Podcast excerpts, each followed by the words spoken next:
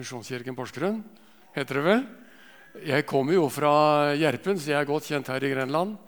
Jeg satt der og tenkte på at eh, jeg tror jeg har vært et sted i Porsgrunn som knapt noen av dere andre har vært. Jeg hadde nemlig en jobb da jeg var russ, 18 år gammel. Jeg fikk en timelønn på 15 kroner timen. Og det var jo usedvanlig. Det var jo tredobbelt av det jeg hadde hatt som sommerjobb før. Og den jobben den var å eh, jobbe 14 dager i en tunnel som går fra Knardalstrand under Porsgrunnselva og opp ut på Hydros område. En del av den vanntunnelen fra Fjærkilen, for de av dere som vet at det går en sånn. Den, eh, før de satte på vannet i den tunnelen, så, så, skulle de ha gjennom en del elektriske kabler som de kalte det reservekabler den gangen. Jeg aner ikke om de har vært brukt, og hva det er der i dag. Men der gikk vi ned i ei tralle 45 grader på Knardalstrand, 60 meter under elva, med noen lyspærer som hang bortover hver 10 meter, og så dryppet det vann ned hele veien. Mørkt og fuktig var det.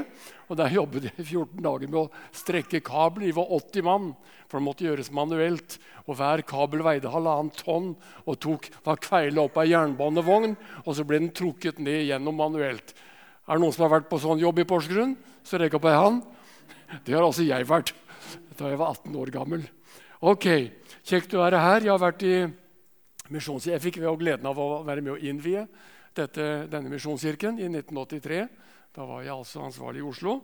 Uh, og jeg har vært der siden, men jeg fant ut i boka jeg har, at det er 22 år siden jeg talte her i Misjonskirken. Så da skjønner du at det er lenge siden. Så alle dere som er her, med unntak av noen få eh, av veteranene, så er det nye folk for meg, og jeg er sikkert ukjent for dere. Men i alle fall, her er vi, og vi skal dele Guds ord sammen i formiddag. Og det skal vi gjøre ifra Efeserbrevets tredje kapittel. Der er det en lang bønn, en kjent bønn som Paulus ber. Han bøyer sine kne for Faderen, sier han. Og så er det i slutten av den bønnen vi skal ikke lese hele, men i slutten av den så sier Paulus følgende Gud, som virker i oss med sin kraft kan gjøre uendelig mye mer enn vi ber om og forstår. Han være æren i Kirken og i Kristus Jesus gjennom alle slekter og evigheter. Amen. Gud er stor. Gud er mektig. Gud er i stand til. Tror vi det? Paulus maler Guds ufattelige storhet for oss i dette kapitlet. Han bøyer kne for Faderen, og han vitner for alle som er både i himmel og på jord, alle skapninger. Også vi synger, og vi bekjenner at Gud er stor. Men ofte gjør vi ham så liten. Også kristne har ofte en miniutgave av Gud, som i praksis bare får spille på reserveplass i hverdagen, i livskampen, har en birolle maksimalt. Og det skyldes at de fleste av oss liker å sitte i førersetet selv. Gjør vi ikke det? Men mest skyldes det, tror jeg, vår manglende forståelse av hvem Gud egentlig er. Kunnskapen om Gud den er både begrenset og den er uklar. Paulus sier jo om de vantro, de som ikke tror på Gud. Om dem sier Paulus at de forstår ham overhodet ikke. Han er skjult for dem. Men i dette brevet skriver Paulus at Gud har åpenbart sin hemmelighet for oss, vi som hører til i Guds menighet, slik at jeg som, og vi som tror, vi har fått åpenbart det. Men sannelig kan også jeg, som har vært en troende hele livet, bli blind i forhold til hvem Gud egentlig er. Det er så mange ting som står i veien. Det kan være nederlag, det kan være suksess, det kan være skam, det kan være stolthet, det kan være travelhet, eller det kan være likegyldighet. Gud blir borte for oss ofte i hverdagens tåkelandskap. Selv de gudfryktige og fromme disiplene som vandret sammen med den oppstandende Jesus på veien til Emmaus, Du har lest den beretningen i Lukas. ikke sant? Selv de var blinde og døve og skjønte ikke hvem de vandret sammen med, før mesteren selv åpnet deres øyne og deres ører og deres hjerter, så de skjønte hvem de var sammen med. Disipler kan også bli blinde. Jeg har en enkel bønn i formiddag, og det er at vi skulle kunne gå ut gudstjenesten, fra gudstjenesten i dag og, og si at jeg har sett en litt større Gud. Det har vært min bønn. Guds storhet er veldig godt bevitnet på mange måter. Først og fremst er Guds storhet bevitnet gjennom hans blotte eksistens som Fader, Sønn og Hellig Ånd. Det vitner om hans storhet, den treenige Guds væren. Ikke hva han gjør, men det at han er til. Det vitner om hans storhet, men det sprenger samtidig vår forståelse. Treenighetslæren det har jo vært Kirkens forsøk i alle disse århundre siden Jesus sto opp fra de døde, til å forklare og gi et sant bilde av Guds storhet. Men allerede dette med tre i én, det sprenger jo din og min kategori og vår tanke. Vi fatter det ikke. Og Det er jo derfor treenighetslæren blir motsagt av så mange. Av muslimer, av jøder, av Jehovas vitner.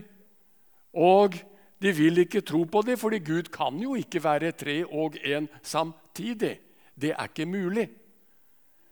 Det er politeisme. Det er tre guder, sier muslimene f.eks.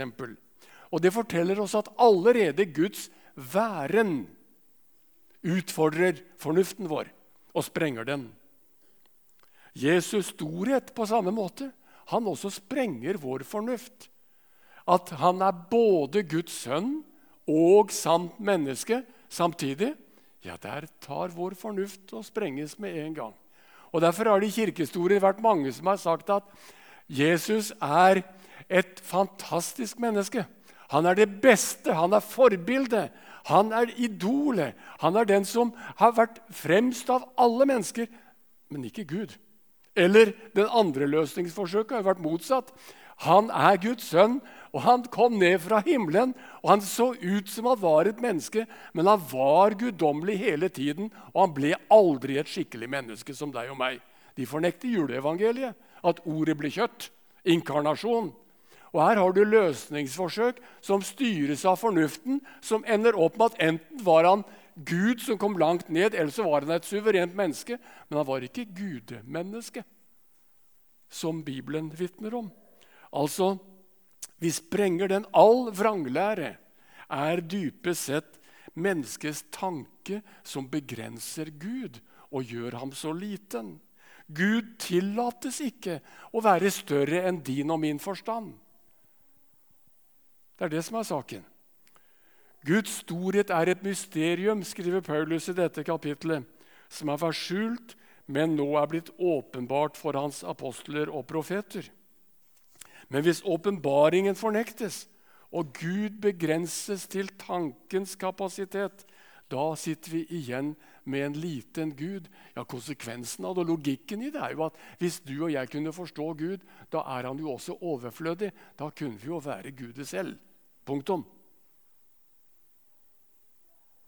Men hvis Gud har åpenbart seg, da er det vitnesbyrd om at Gud er større. Og han er så stor at vår tanke ikke rommer han. Den godeste kirkefader Augustin har sagt noe flott.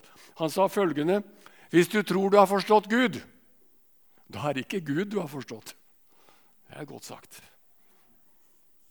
Nei, for ateistene er Gud verken liten eller fjern. For, ham, for dem er han jo totalt borte. Han er utenfor fornuftens radar og derfor også benektet. En som ikke tror, kan selvsagt la seg imponere av vakre ord eller ikke imponere. Men det som i alle fall er sikkert, er at naturen den har vi felles, enten vi tror på Gud eller ikke tror på Gud. Også den vitner om Guds storhet og hans allmakt. Gud skapte verden av intet. Gud oppholder alle ting ved sitt pust. Gud blåser livets ånde inn i oss alle. Og Her vil vel kanskje de som ikke tror på Gud, falle av lasset. Men Bibelens tale er jo enkelt og klart at ikke noe er blitt til av alt som er blitt til. Det er rimelig omfattende. Alt er blitt til av ham. Og hvis Gud trakk sin livspust tilbake, så ville det bli kaldt og dødt på jorden. Det ville være som om å slokke solen, og vi ville umiddelbart ikke lenger ha noe liv. Da var vi fortapt. Og det er vel det som kanskje er fortapelsen. Der hvor Gud for alvor trekker seg tilbake. For der blir det ikke mye igjen. Naturen er fantastisk. Vi tar den for gitt, men også den bæres av Guds storhet.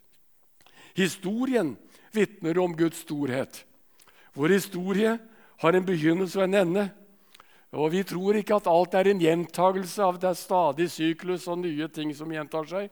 Nei, Gud skapte, og så har historien en ende, og Gud skal fullende en dag.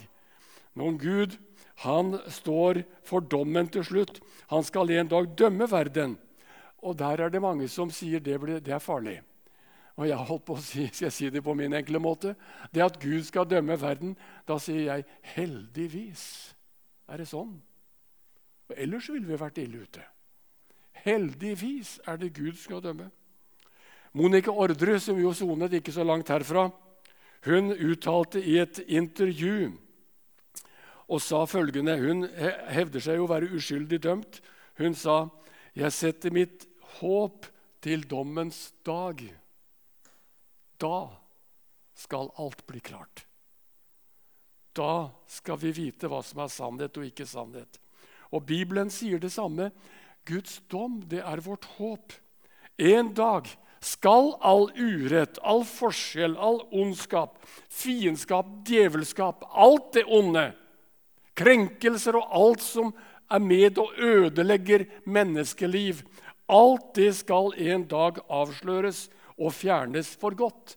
Når ondskapen og den onde skal fjernes, da skal tårene tørkes bort for evig, og Jesu fullkomne liv blir alle troendes liv gjennom den siste forvandling, når vi skal bli ham lik.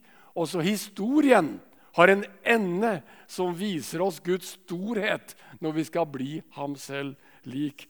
Men ikke bare Guds væren, ikke bare naturen, ikke bare historien vitner om Guds storhet, men også vår egen erfaring kan jo vitne noe om det. Og mange av dere, hvis vi skulle sluppet løs vitnesbyrd om hva Gud har gjort i ditt liv, så vil mange kunne komme med det.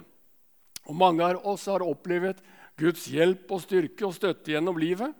Bønnesvar som har gjort oss stumme, ydmyke og takknemlige. Om Gud som handler i din og min hverdag. Det er det vi kaller vitnesbyrd.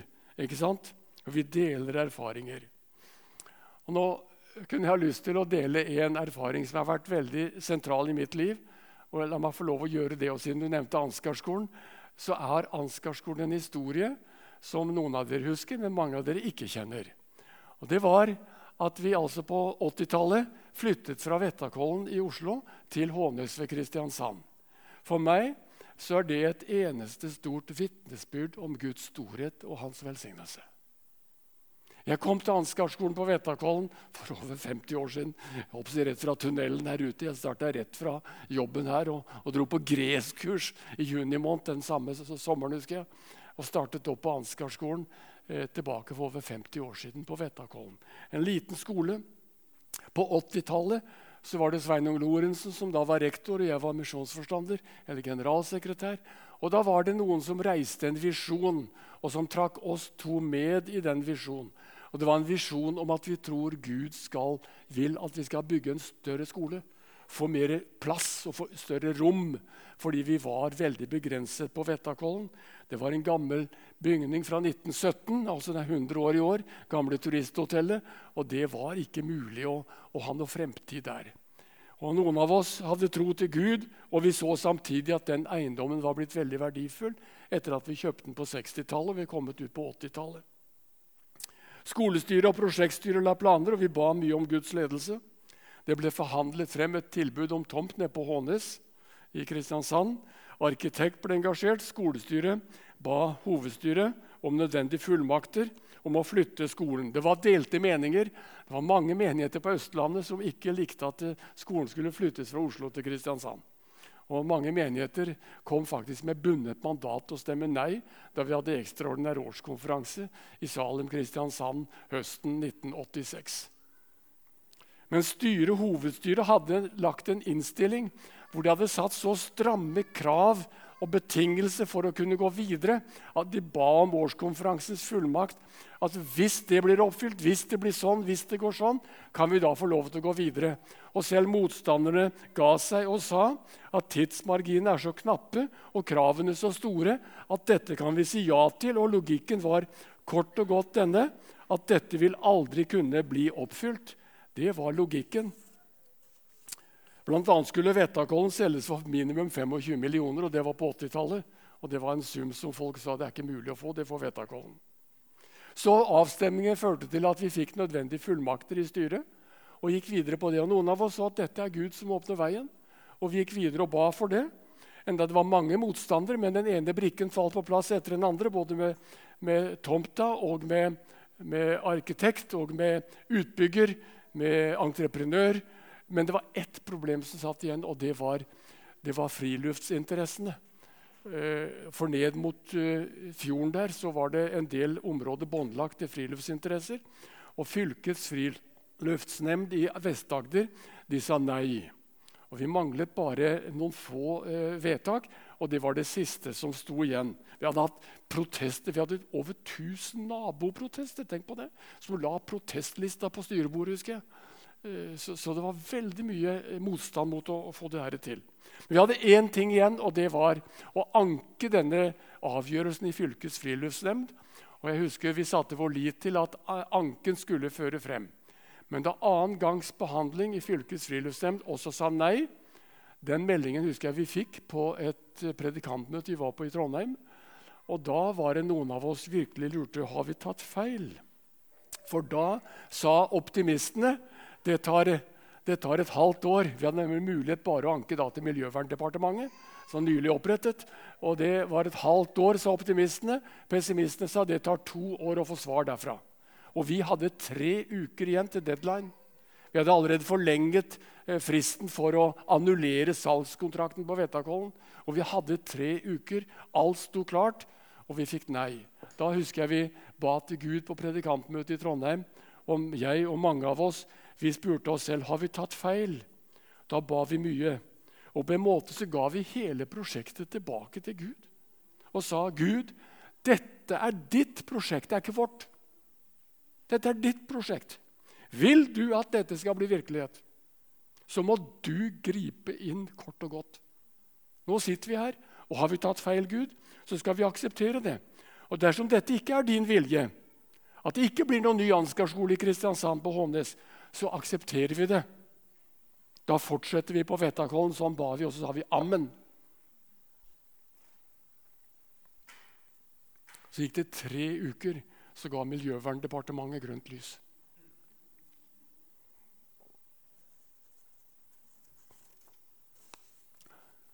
Første april fikk vi den beskjeden. Og Allerede påfølgende lørdag hadde forbundsstyret hastemøte. Og Da ble alle vedtak fattet, for alt lå klart. Og Vi bare summerte opp, og følgende uke skrev vi under på alle avtaler som måtte signeres, og gravemaskinene var i gang på tomta på 14 dager. Jeg sto som byggherre på vegne av forbundsstyret og fulgte utbyggingen veldig tett fram til innvielse og åpning av Ansgarskolen i august 1988. Salget av Vettakollen ga ikke bare 25 millioner, det ga oss 34 millioner. Ansgarskolen er for meg et Guds under. Et vitnesbyrd om at Gud griper inn. Han er mektig til å gjøre store ting. Vår erfaring, og mange dere kunne gitt vitnesbyrd Og jeg kunne gitt mange andre også. Men Gud er stor. Men, og det er et viktig punkt i dette, denne teksten vi leser her Guds storhet er likevel ofte skjult. Det er ikke alltid vi ser det. Kan Gud gjøre under mot alle odds? Ja, det er mange fortellinger med lite bevis, sier ofte kritikerne, og det kan de kanskje ha rett i. Og Noen ganger er spørsmålene vi sitter igjen med, flere enn vitnesbyrdene. Og det er klart, Også i denne forsamling sitter det mange som har bedt til Gud, og som ikke har fått svar. Og jeg er også blant dem som har bedt bønner som ikke er blitt besvart. Hva med manglende bønnesvar? og Guds storhet. Hvordan henger det sammen? Går det i hop? Hva med ulykker og sykdom som ubønnhørlig bryter ned en kropp som normalt skulle vært sterk og kraftig? Min beste kamerat oppe i Gjerpen, Steinar, som var ordinert pastor, og vi fulgte hverandre så tett, som fikk kreft. Han var 27 år og døde da han passerte 30. Og Vi så hvordan kroppen hans ble brutt ned, og vi ba og predikantene. Vi hadde alle de midler vi tenkte for å be og Vi hadde til og med bønnedug som blir kjørt fra Haugesund til Skien husker jeg, og lagt på Steinar, og han dør. Og vi spør hvor er Gud da? Nygift, pastor, livet lå foran. Og alle sitter vi igjen med sorg og savn av noen som har gått bort. Og det hjelper ikke å si, uansett hvor hengivne og fromme vi måtte være, og uansett hvor mye vi gjør og hvor mye vi ber. Hvor er du da, Gud? Når ulykker inntreffer, syke dør, da søker vi ofte svar langs to linjer. Enten sier vi det skyldes manglende allmakt hos Gud. Han er nå ikke så stor som han lover å være. da. Han greide ikke det. Eller vi søker og sier det er manglende tro hos oss. Jeg trodde ikke nok. Manglende allmakt eller manglende tro. Begge alternativer kan vi trygt avvise. Jeg tror Bibelen viser oss et tredje svar. Årsaken er ikke manglende allmakt eller manglende tro, men det er heller manglende forståelse fra vår side og innsikt. Vi forstår ikke nok. Gud rommes ikke i vår tanke. Vi ser for kort og lodde for grunt. Vi ser ikke dybden i livets mysterium. Selv våre inderlige og helhjertede bønner er nærsynte og kanskje overflatiske i Guds øyne. Pga. egne begrensninger. Alt dette vet Gud, så det er ikke noe problem fra hans side. Vi må få lov å rope og be alt det vi kan. Han eh, har ikke noe problem med det. Men åndelig innsikt og ydmykhet er ikke medfødt. Vi tror at vi kan det beste. Og Syndefallet innebærer også at vår tanke er skadet og vår selvforståelse er mangelfull. I verste fall kan vår tanke til og med bli korrupt. Vi kan ta feil. Selv Tore, du og jeg kan ta feil. Tenk på det. Jeg mener, Det er jo Det er ikke lett å tro det, men det kan vi. Vi kan alle ta feil fordi vi forstår ikke nok. Og Det er derfor hovmotet får så stort spillerom, for vi tror at vi mestrer alt.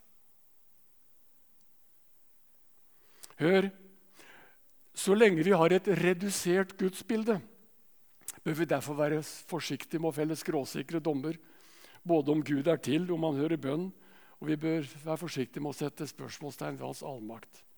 Og hør nå. Også våre bønner er begrenset av vår forståelse, vår reduserte forståelse. Når jeg ber for en som er syk, så er det ut ifra min tanke om at det må være det beste for vedkommende. Det må være det beste for oss som står rundt. Og motsatt. Det hender jo at vi ber også for gamle som er syke og, og som er mette av dager, men som ikke dør. At nå må det beste være at de får lov å slippe å gå hjem til himmelen. Og Noen ganger blir vi ikke bønnhørt på det engang. Jeg har møtt familier som har bedt den bønnen, og så sier de Gud hørte jo ikke den bønnen heller. Det er jo en lite from måte å si det på, men, men jeg har møtt de som tenker sånn. Men så hadde de et speilbilde av en mann i 40-årene i beste år som plutselig døde. og Da skjønner du spenningen i familien. om hvordan, hvordan kan det være mulig. Og De sier vi forstår det ikke, og det er vel det som også er tilfellet. Men kanskje må vi si kanskje Gud vet det som er bedre. La meg gå inn for landing og si at Gud, Guds storhet sprenger vår tanke. Men ofte er den skjult for deg og meg. Men Gud er like stor uansett. Og denne store Gud kan gjøre det som er umulig. La du merke til hva vi leste i teksten for? Gud gjør mer enn vi forstår. Ikke mindre. Det er jo det den onde vil ha oss til å tro. Og det er det vantroen sier. Gud kan ikke høre mine bønner. Nei, Gud makter ikke det, så han gjør mindre enn jeg greier å be om. Nei, teksten vår sier akkurat det motsatte. Gud gjør ikke mindre enn det vi ber om. Han gjør mer enn vi forstår, og enn vi kan be om. Og ikke bare mer, her står det tredobbelt. Han gjør mye mer. Ja, det står han gjør uendelig mye mer enn vi kan be om og forstår. Det er litt av et løfte, det. Men det er ikke underlig at vi hører mer på djevlene som sier at Gud gjør mindre enn det vi forstår å be om, enn på Guds løfte, som sier han gjør uendelig mye mer enn vi forstår. Det er det som vi får lov til å holde fast på. Gud lar seg ikke begrense av vår forstand eller av vår tro eller av våre bønner. Guds operasjonsområde er mye større. Guds tanker og veier er større og høyere enn dine og mine tanker og dine og mine veier. I den gamle oldkirken sa de at Gud er semper major. Det er godt latin. Og det betyr Gud er alltid større. Alltid større. Tenk om vi kunne fått det inn i vår tro, inn i vårt hjerte. Gud er alltid større. Semper major. Og hans løsninger ligger ofte langt utover det vi tenker eller forstår eller makter å sette ord på. Evangeliet handler om Guds storhet og Guds frelsesplan. Hans uendelige kreativitet setter i prinsippet ingen begrensninger. Alt er mulig for Gud. Han er universets herre, og han viste det da han reiste Jesus opp fra de døde. La meg ta med en liten detalj til også på erfaringsbiten. Vet du at all den motstand vi hadde i Kristiansand og på Håmes for å bygge Ansgarskolen det med friluftsinteressene. All den motstand og kamp vi hadde. Vet du at Gud vendte det også til velsignelse? På følgende måte. Vi fikk nemlig ikke lov å kjøpe de 15 mål ned mot sjøen som skulle være sikret for allmennheten og, og friluft. Og det er jo flott, for det har jo vi på Ansgarskolen brukt til fulle nå i 30 år. Vi, om dette frihet, eh, allmennområdet der nede til sjøen. Et flott område for alle. Det fikk vi ikke, men de hadde lovt oss en viss tomtestørrelse. Så som kompensasjon fikk vi kjøpe en tomt på toppen opp mot senteret på Hånes. Tolv mål. Og den har ligget der nå i 25 år og godgjort seg. Vi ga 1 million for det den gangen som en kompensasjon for all den motstand som vi fikk. Vet du at Den tomta har godgjort seg, så det er den som ligger bak de 20 millionene vi nå har brukt på å bygge både kapell og nytt undervisningsbygg, og som vi nå nyter godt av 20 år etterpå. Motstanden den gangen vendte Gud til velsignelse. Han gjør uendelig mye mer enn vi forstår og ber om. Slik er Gud. Han kan gjøre det utrolige. Gud skal ha ære for ledelse, timing og bønnesvar. Og Samtidig så vil jeg også si vi har hatt veldig mange dyktige medarbeidere innen økonomi og ledelse, både ansatte og frivillige, som har bidratt til at Ansgarskolen er blitt det flotte stedet som det er den dag i dag. Helbredelser og mirakuløst handlinger er ofte umulig i våre øyne. Men vi tror at Gud er mektig til å helbrede oss i dag. Jeg har sett eksempler på det dere kan vitne om helbredelser. Men jeg er likevel ikke sikker på at alle de helbredelsene vi vitner om og rapporterer om, er så veldig store i Guds øyne. Kanskje bør vi minne hverandre om at enhver helbredelse også er midlertidig. Hittil har det aldri vært noen permanent helbredelse i denne verden. Har det det? Vi, vi må jo dø en gang. Jeg har ikke opphevet det. Så enhver helbredelse er midlertidig. Det er bare frelsen som er evig. Men Gud er mektig til å gjøre også det.